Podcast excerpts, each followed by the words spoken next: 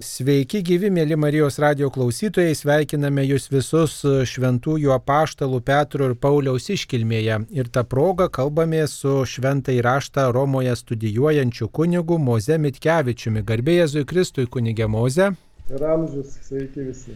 Taigi labai džiugu, kad esi Romoje, kaip tik šiuo metu per didelius karščius Romoje ir ten kaip tik tai netoli turbūt visai šventųjų paštalų Petro ir Pauliaus bazilikų. Kaip e, romiečiai švenčia šitą iškilmę, ar gausiau dalyvauja mišiose, ar lanko šventųjų paštalų Petro ir Pauliaus kapus tose didžiosiuose bazilikose? Tai aš manau, kad žinai, visus metus tos bazilikos sulaukia daugybė piligrimų, nes e, bet kokia grupė iš bet kurio pasaulio krašto, kurie atvyksta, tai pirmiausia, jų tikslas yra aplankyti didžiasias bazilikas, kurias Romoje ženklina jau nuo netmenamų laikų ir obeliskai pastatyti prie kiekvienos e, bazilikos. Ir aišku, lanko Laterano baziliką kaip e, popiežiaus tikrąjį sostą, o paskui ir vietas, e, kurios susijusios ir su apaštalais, tarp kurių ir Paulius ir Petras. Tai aš nepasakyčiau, kad e, Petro iškilmių diena, aišku, yra ir Pauliaus iškilmių diena yra ypatinga liturgija, popiežius aukoja mišes ir susirenka ne tik piligrimai, bet ir daugybė ir kardinolų ir viskupų. Bet šiaip tos vietos jos visada yra tokios lankytinos. O tau turbūt teko ne vieną grupę lydėti ir po Petro baziliką, ir po Pauliaus baziliką Romoje. Ir turbūt yra kažkokių tokių įdomių vietų, gal teko aptikti, apie kurias gidai nutyli ir ne visi piligrimai randa, gal kokių tokių atradimų turi tose bazilikose. Žinai, kažkokių subtilybių tai aš tikrai nežinau nes ten vis tiek ateini ieškoti ne užkulisių, bet e, ateini iš esmės išpažinti savo tikėjimą ir aplankyti apaštalų kapus.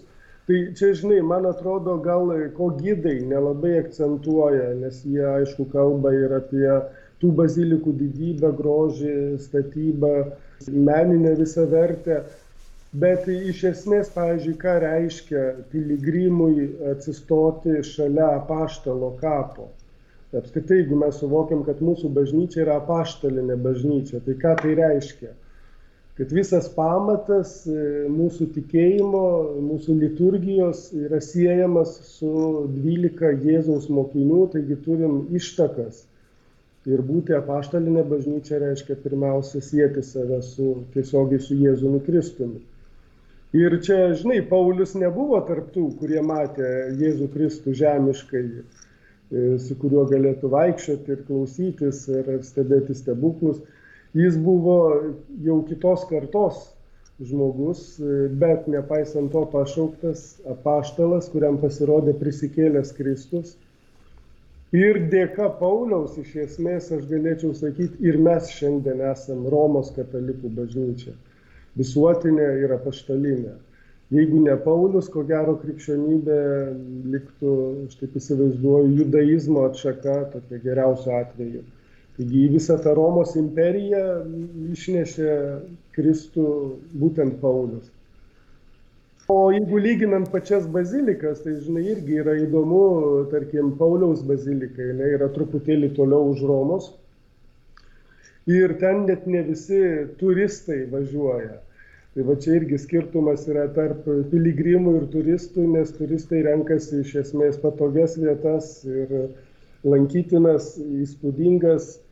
Tuo tarpu piligrimai jau turi tikslus ir, ir jie važiuoja ir į Pauliaus baziliką arba ir katakombas lanko, ypač Sebastijono katakombos, kur iki pat ketvirto amžiaus ir buvo saugomi palaikai Pauliaus ir Petro.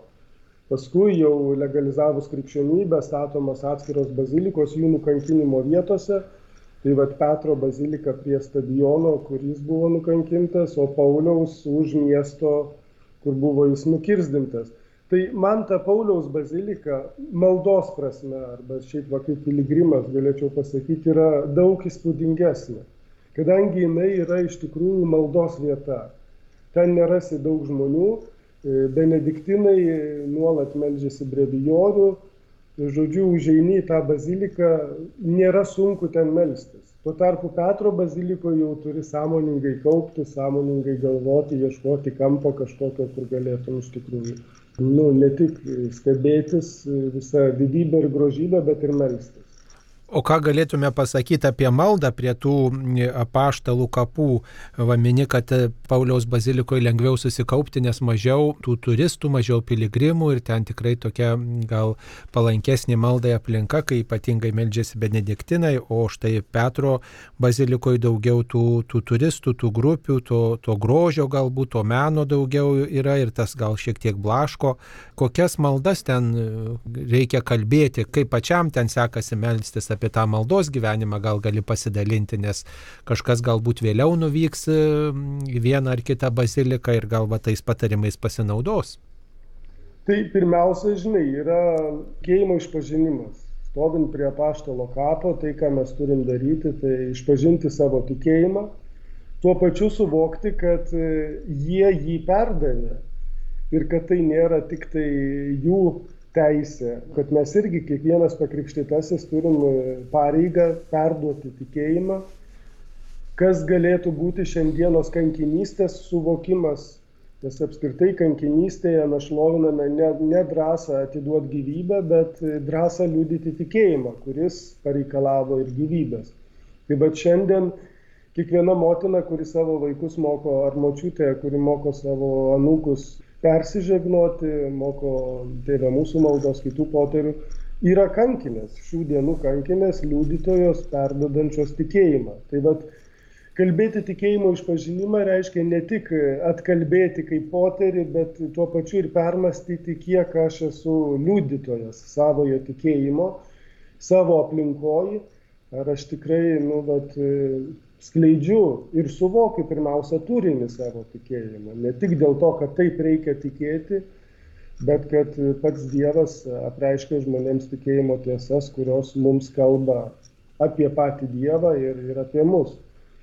O šalia to, tai aišku, tai yra piligrimystės vietos, tai nuolat nuo, nuo pirmųjų amžių buvo siejama su vieta, kurioje patiriamas Dievo gailestingumas, atleidimas, o tai reiškia automatiškai ir atsivertimą. Tai kažkokie gailėšio aktai, išpažintis, aišku, rekomenduotina ir jeigu yra galimybė sudalyvauti šventose mišiuose. Be to, Roma ir ypač Petro bazilika neatsiejama nuo popiežiaus. Tai vėlgi suvokti universalumą bažnyčios arba visuotinumą ir kad mes kartu su popiežium jungiamės į jo maldą, ištardami vieni kitus. Tai yra sukalbėti vieną poterį popiežiaus intenciją, suvokiant, kad jis kiekvieną dieną meldžiasi už Dievo tautą tam tikromis specialiomis intencijomis jungtis į tą maldą irgi būti dalimi viso to. Paprastai ten, kur atvyksta daugybė piligrimų, kur daugybė žmonių su įvairiu pamaldumu atvažiuoja aplankyti vienos ar kitos šventovės, šiuo atveju paštalų kapų, yra turbūt taip pat naudinga ir stebėti tuos piligrimus. Man, jeigu yra tekę keliauti po tas pasaulio šventovės, tai yra labai įdomu tuos piligrimus stebėti. Ir kartais tie piligrimai, maldininkai tampa taip pat tokiu paskatinimu tikėti arba tą ir bažnyčios visuotinumą priimti ir kartu įvairovę pažinti pažinti, tai turbūt Roma tam viena tokių tinkamiausių vietų, nes ten iš viso pasaulio atvažiuoja įvairaus pamaldumo vedini žmonės ir turbūt matyti, kaip žmonės meldžiasi, su kokiu tikėjimu, su kokia pagarba artinasi, arba kartais ir su atsainumu galbūt prie tų relikvijų, prie tų kapų, tai turbūt irgi kažkaip veikia tikėjimą ir, ir, ir turbūt kelia kai kuriuos klausimus, ar ne? Visokių yra piligrimų arba ten ir turistų didžioji dalis. Tai vat, jų tikslas yra nufotografuoti, pasižymėti, kad čia buvau, paskui, aišku, pasidalinti tom nuotraukom. Tai, kas mane, tarkim, erzina tose didžiose bazilikose, tai vietos sergėtojų, tokių būdėtojų, nuolatinis priminimas, tylos, nefotografuoti. Ir iš tikrųjų sukelia daug didesnį triukšmą iš esmės jų tos pastabos, jų mėginimai sutramdyti srautus, e, negu kad e, galbūt tie paprasti žmonės iš tikrųjų ten to žalos, kiek ten jie gali pridaryti. Bet kita vertus, man žinai gražu stebėti vat, tuos žmonės, juk jie yra paprasti žmonės, jie suvokia, kad atvažiavo į ypatingą vietą. Ir, ir aišku, kad priliesti arba ten nupaveiksluoti, nu, jiems tai yra gyvenimo įvykis. Aš, aš kažkaip bandau įsivaizduoti, žinai, vat, Jėzų vaikščiojantį ten po kaimus ir, nu, bet norisi paliesti, norisi pamatyti, nu, čia ateina kažkas, kuris prisistato mesijų, tai labai, taip kaip sakyti, žmogiškai priimu tą visą tokį chaosą viduje, kuris kyla iš to, kad iš esmės žmogus atsiduria jam nekasdieniniai aplinkoje ir jisai nori viską, viską čia kiek įmanoma maksimaliai paliesti, pamatyti ir, ir taip toliau. Bet e, kita vertus, tai man labai gražu matyti Romoje, ypatingai Romoje, kad tikėjimas yra norma. Žodžiu, ten žmonės melžiasi tikrai labai įvairiai, afrikiečiai vienaip, ten e, kokie, nu, lietuviai kukliau, visada mes tokie santūresni.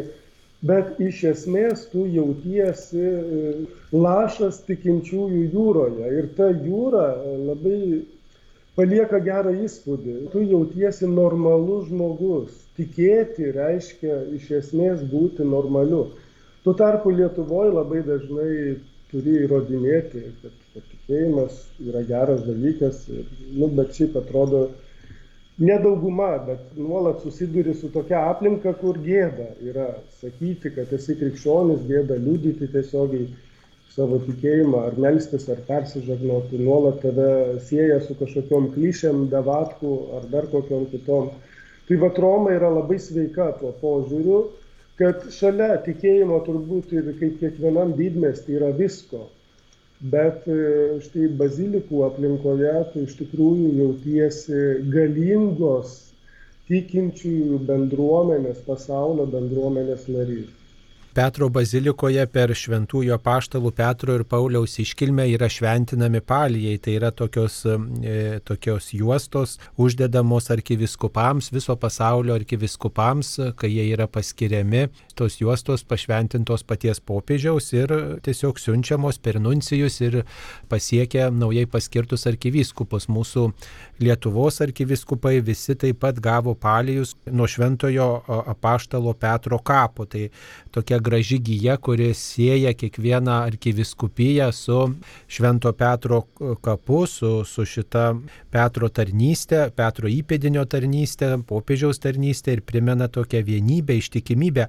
Gal yra tekę dalyvauti tų palijų pašventinimo iškilmėse arba kažką daugiau teko girdėti apie tas iškilmės? Neteko dalyvauti, tik, nu, teko girdėti, kad aišku tie palijai yra dedami ant, ant Petro kapo, taigi kažkoks toks ir tiesioginis kontaktas, pavadinkim, su, su, su Petro, nu, ne kaulais, bet su Petro kapu, arba bent jau su ta sakralia vieta, kuri, nu, iš tikrųjų turbūt pilna malonių yra.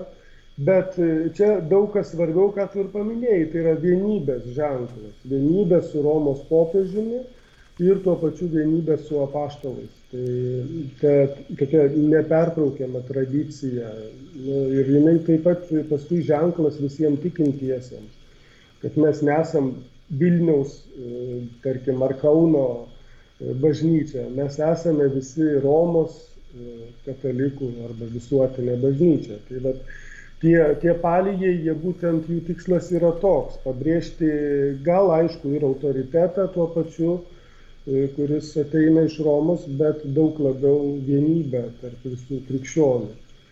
Ir, žinai, aš tai visą laiką galvoju, ta prasme, e, mes daug kunigai kalbam apie Petrą ir Paulių, daugiau tokių dogmatinių požiūrių. Bet, pavyzdžiui, šiandien paprastam žmogui, nu, bet ką reiškia Paulius, ką reiškia Petras.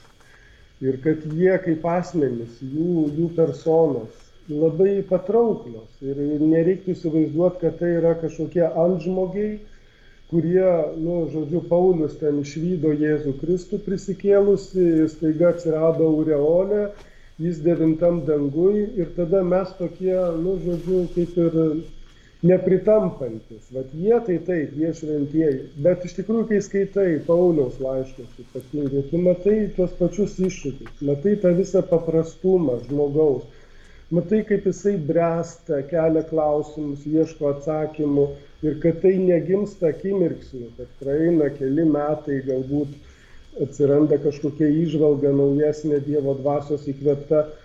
Tai vad pamatyti juos kaip nu, krikščionis, kurie yra žmonės, tokie patys kaip mes, ir, ir mokytis iš jų tikėjimo kelio, aukti kartu su jais. Tarkim, Paulius, tai aš apie jį galėčiau iš vis ištisai kalbėti, bet man viena gražiausių jo savybių, jis sako, imituokite Kristų. Arba imituokite mane, kaip kad aš imituoju Kristų. Nežinau, lietuvių vertimai turbūt sako, sekite kaip aš kad seku, bet e, tas graikiškas žodis mimekas, imituoti, man patinka tas žodis. Ir tai, kaip mes jį suprantam, mes jį dažniausiai suvokiam kaip, kaip žinai, kažkokios savybės kartojimą. Tarkim, žiūrim į kažką, į, į kitą asmenį, kuriam būdingos tam tikros savybės, ir štai aš noriu būti kaip tas asmo, pradedu kartoti tas savybės. Bet Pauliui imituoti Kristų tai nėra e, būti kaip Kristus. Pauliui imituoti Kristų reiškia būti su Kristumi, tiesiog persiimti jo visų asmenį, suvokti, kad viską, ką aš darau, mastau, kalbu, dirbu, baruosi, bet ką, viską darau su Kristumi arba Kristuje. Tai bet tas toks suvokimas, jisai turi būti nu, būdingas ne tik Pauliui, kiekvienam krikščioniui. Atrasti savo esmę ir savo tapatybę kaip krikščioniška, tai reiškia persijimti Kristumi. Apaštalas Paulius labai dažnai savo laiškuose sako, Jėzuje Kristuje, pasilikite Jėzuje Kristuje, turbūt jau vienas tokių mėgstamiausių posakių. Va. Gal ir apie tai galima keletą žodžių tarti, tas toks mistinis vietininkas, pasilikite Jėzuje Kristuje. Kaip į tą vidų Kristaus įeiti? Tai Pauliui Kristus meilė arba šventoji dvasia, arba net ir Dievas tėvas, visa tai yra sinoniminiai išsireiškimai. Reiškia būti Kristuje, iš esmės reiškia gyventi meilę, gyventi santykėje su Dievu, gyventi taikoje, džiaugsme. Tai čia irgi labai, jisai man patinka Paulius savo tokiu platumu. Ir tada galima, aišku, daug dalykų atrasti, grinai taip susiaurinus katalikams, tarkim, būkit Jėzuje Kristuje, tai aišku, reikš komunijos prieimimą, dalyvavimą šventose mišiuose. Bet Paulius ne tik apie tai. Paulius kalba apie visus žmonės, jisai ieško visų išganimo.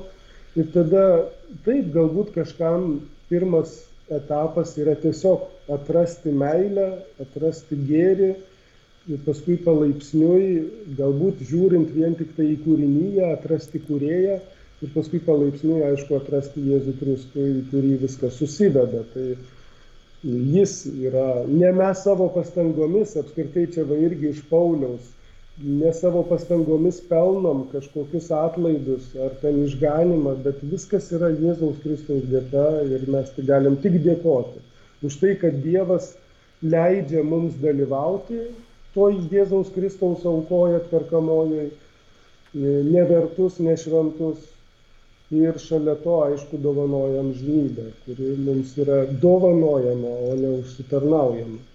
Ir žinai, Pauliuje mane kas žavi tą laisvę, jisai turi fantaziją, jisai ta prasme nesusmulkėja, ką mes labai dažnai e, turim tokį pavojų, į kažkokias taisyklės viską suvesti į, į tokius, nu, bet galima, negalima. Paulius dažnai aiškina kažką smulkmeniškai žmonėms, ten ir laiškė korintiečiams, ir, ir galatams, bet paskui sako, darykit kaip nori. Nu, ta prasme, paleidžia viską tokioje Dievo laisvėje. Ir ta laisvė yra įspūdinga, jisai mato visur Jėzų Kristų ir tada jo negali įrėminti Paulių. Man gražu, kad, pavyzdžiui, apie Paulių kalbama literatūroje kad jo širdis yra Kristaus širdis.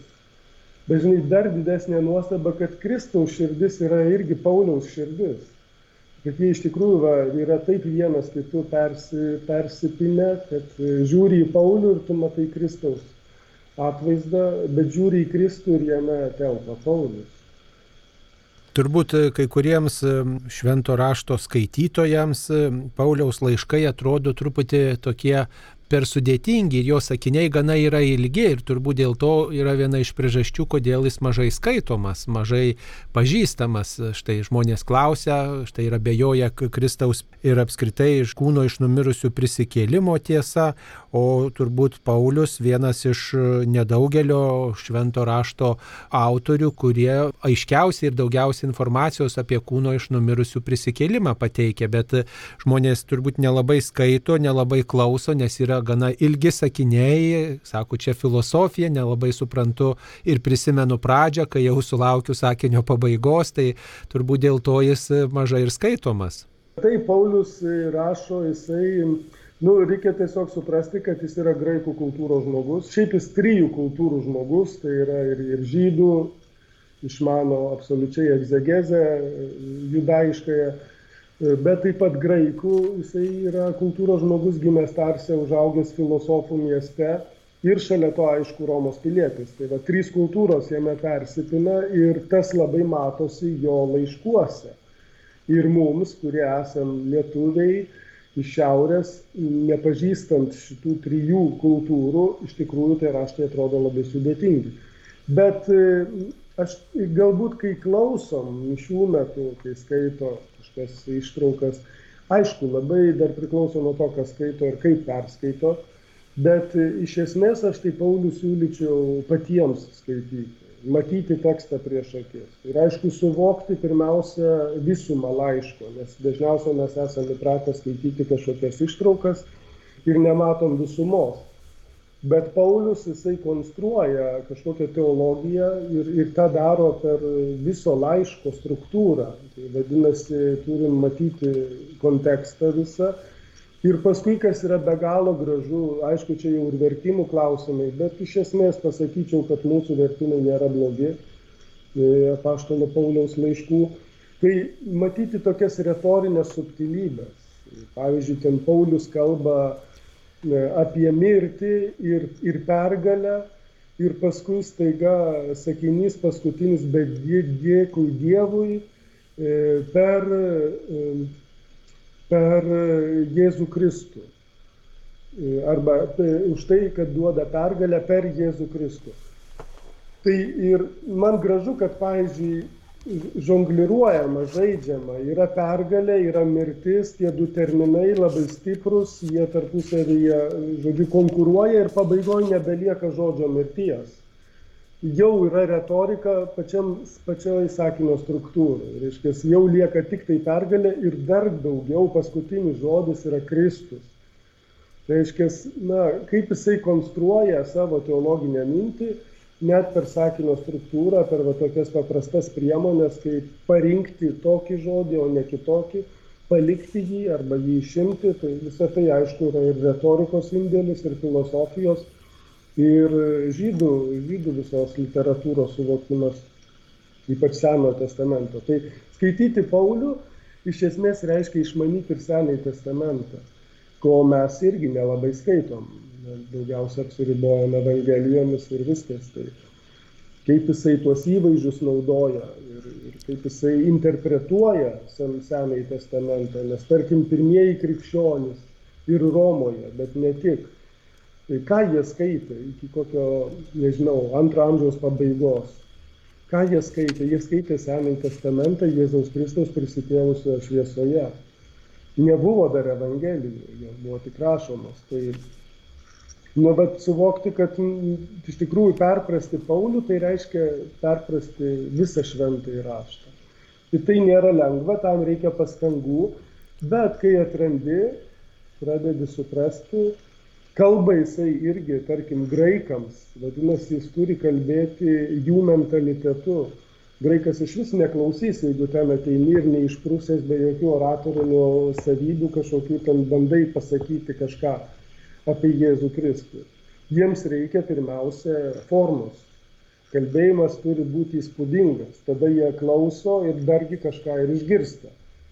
Tai vad Paulius jisai, nu jis tą nuolat darė ir, ir kas man gražu, kad jis net pranoko visus savo laikmečio oratorius, kurie iš esmės rinkdavosi, pavyzdžiui, temas tokias, kad patiktų publikai, tai reiškia pakritikuoti truputėlį valdžią, galbūt ten e, kažką paliaupsinti liaudį, ar ne, ir, ir paskui susirinkdavo užmokestį ir jeigu, aišku, atvykdavo kažkas jau su kritika, norėdami susidoroti su jais ar numalšinti, tarkim, kokie valdžios atstovai kariai, tai jie tuo įdingdavo. Pauliusgi nesirenka temų, jam yra vienintelė tema - Jėzus Kristus, jo Evangelija. Visą tai daro veltui, be jokių mokesčių, be jokių pasipelnimų, gauna neretai ir akmenų krušos, ir lasdų, ir įkalintas buvo, bet va ir šalia to be galo mylėjo savo auditoriją, pavadinkim žmonės, kuriems jisai skelbė Jėzų Kristų, nepaisant jų ir užsiskirimo, ir, ir nuodėmingumo, ir dar ko nors. Nuolat buvo su jais. Tai čia jį, jis tuo skyrėsi labai stipriai nuo filosofų mokytojų, nuo keliautojų, kažkokių ten oratorių, e, kurie nu, iš esmės ieškojo savo liaupsų ir savo naudos. Tai galima daug pasimokyti iš Pauliaus ir net e, tokioje evangelizacijos rytyje. Arba tai, kad jisai niekada nepradeda nuo barimų ir kažkokių raginimų, neišaiškinęs dalyko esmės. Pirmiausia, nu, pavadinkim, pamoka, teorija, o paskui dabar jau suprantat, kaip yra, ką reikia daryti ir dėl to keiskitės. Ir, žodžiu, venkite ir tų, ir tų ir anų dalykų. Nu, žodžiu, žmogus vulkanas, tik tiek galiu pasakyti, ir tai yra viskas Jėzaus Kristaus veikimo jame dėka pati gražiausia arba labiausiai žinoma žmonių ir labai mėgstama yra ištrauka iš pirmojo laiško korintiečiams 13 skyriaus gimnas meilė, apie ją e, pačiam teko rašyti net ir diplominį darbą, tai gal trumpai galėtum kokį atradimą pasakyti arba kažkaip e, pristatyti šitą ištrauką, su kokia nuostata ją reikėtų skaityti, tą ištrauką ypač kai įskaitoma per vestuves arba ir šiaip žmonių norinčių pažinti, kas yra meilė skaitoma ištrauka. Tai, tai čia, aišku, irgi labai plati tema, bet e, tai, kas va, dabar ateina į galvą, tai, tai pirmiausia suvokti, kad meilė e, ten, kuri vartojama tame himne, tai yra iš esmės žemiškojo Kristaus e, apibūdinimas. Jeigu norim suvokti, kaip atrodė Kristus, kaip jis gyveno, tai va štai vietoj žodžio meilė įrašykim žodį Kristus ir matysim, kad jis nesididžiuoja, neišpuiksta, nesielgia netinkamai ir taip toliau, taip toliau. Ir tada galima bandyti pasitikrinti, kiek manyje yra to Kristaus. Jeigu aš įrašysiu savo vardą ir, ir na, jeigu tas tekstas iš tikrųjų tiks ir lips, tai vadinasi, aš einu gerų kelių, vadinasi, manyje auga Kristus. Arba galimybė atsiprašyti, atsiversti ir nusuprasti, kad manyje trūksta to Kristaus. Bet man dar, žinai, labai ko norėtųsi, skaitant štai tą tekstą, kur nuolat kartojasi tas agape, suvokti, kad tai yra dieviškos e, meilės apibūdinimas. Ta prasme, kad meilė arba tas vat, graikiškas agape, kad tai yra Kristus ant kryžiaus. Bet tai yra agata. Tai nėra sumuštiniai po, e, žinai, mišių, kur visi kviečiami į agatą man labai norisi gerbti šitą žodį ir jį rezervuoti tik tai Kristaus aukai už mus. Tai labai stiprus žodis. O tai, ką Paulius daro apskritai su tuo visų himnu, labai koreguoja korintiečių puikybę, jų tokį pasididžiavimą. Jie visi ten troško kalbėti kalbomis, tarpusavyje lenktyniavo, kas turi daugiau dovanų arba kurios dovanos yra galingesnės ką aš pastebiu ir šiandien mūsų bažnyčioje, jeigu ten kažkam deda rankas ir nenukrito, tai vadinasi dar lygis yra labai žemas, maždaug tavo krikščioniškasis, tu dar brangutė ar brangusis dar ūktelk, dar truputėlį tau trūksta iki tos pilnatės Dievo dvasios pajūtimo. Tai Korinte tas pats, absoliučiai. Prieš 2000 metų ir tai, ką Paulius daro, jisai sako, dvasios dovanos iš esmės yra geras dalykas. Bet šalia meilės jos nieko vertos, jeigu nėra meilės. Ir tai, kas, kas krikščioniai nu, būtina siektina, kas yra, sakytume, greitkelis, link Dievo, tai yra meilė. Ne, nereikia dovanų dvasios ypatingų šalia to. Arba jeigu jau Dievas jas duoda, jos turi būti skirtos ne savo paties aukštinimui, bet e, tarnystai, bendruomeniai. Ir čia, žinai, pavyzdžiui, grįžtant prie retorikos, ką Paulius daro. E, nu, tai paprastai tiesiog pasakysiu, e, galima, žinai, žmogų išaukštinti, apie jį kalbant, arba galima jį sumenkinti. Ir visa tai priklauso nuo to, su kuo tą žmogų lygini. Tarkim, štai, vat, paimi žmogų dviejų metrų aukščio, ūgio. Ir jeigu jį pastatai šalia e, dviejų krepšininkų, kurie yra 2,20 m, tai tas 2 m žmogus jis atrodys mažas šalia jų. Ir jeigu jį mes pastatom šalia kitų dviejų, kurie galbūt pusantro metro arba metras 80, jis aišku atrodys aukšta ūgis. Tai bet tai, ką daro Paulius, jisai charizmas, kurios iš esmės Dievo dvasios dovanas geras dalykas, jas pastato šalia meilės ir parodo, kad visa tai yra absoliučiai nieko verta. Įspūdinga, gražu ir aišku tai koreguoja, būtent per tokią retorinę, ne, per, per oratoriaus kažkokias tai, nežinau, tą žengliravimą tomis priemonėmis, jisai patraukia publiką, bet šalia to jisai dar neša didžiulį galingą teologinį turinį. Tai Taip iš Naujo testamento raštijos 14 laiškų priskiriama apaštalui Pauliui, o štai Petrui tik tai du laiškai ir tai dar dėl e, autorystės yra abejojama, ar tai yra tikrai Petro laiškai, nes e, tas e, stilius visiškai ne Petro asmenį atitinkantis ir galbūt tai yra Petro mokinių laiškai, galbūt yra keletą žodžių apie juos galima pasakyti. Tačiau daugiau galbūt susiję su pirmo amžiaus tiek iki Kristaus, tiek po Kristaus laiškų rašymo tradicija ir taisyklėmis. Tai mes šiandien esame įpratę, rašom laišką, pasirašom apačioj, užrašom adresą ir tas laiškas keliauja.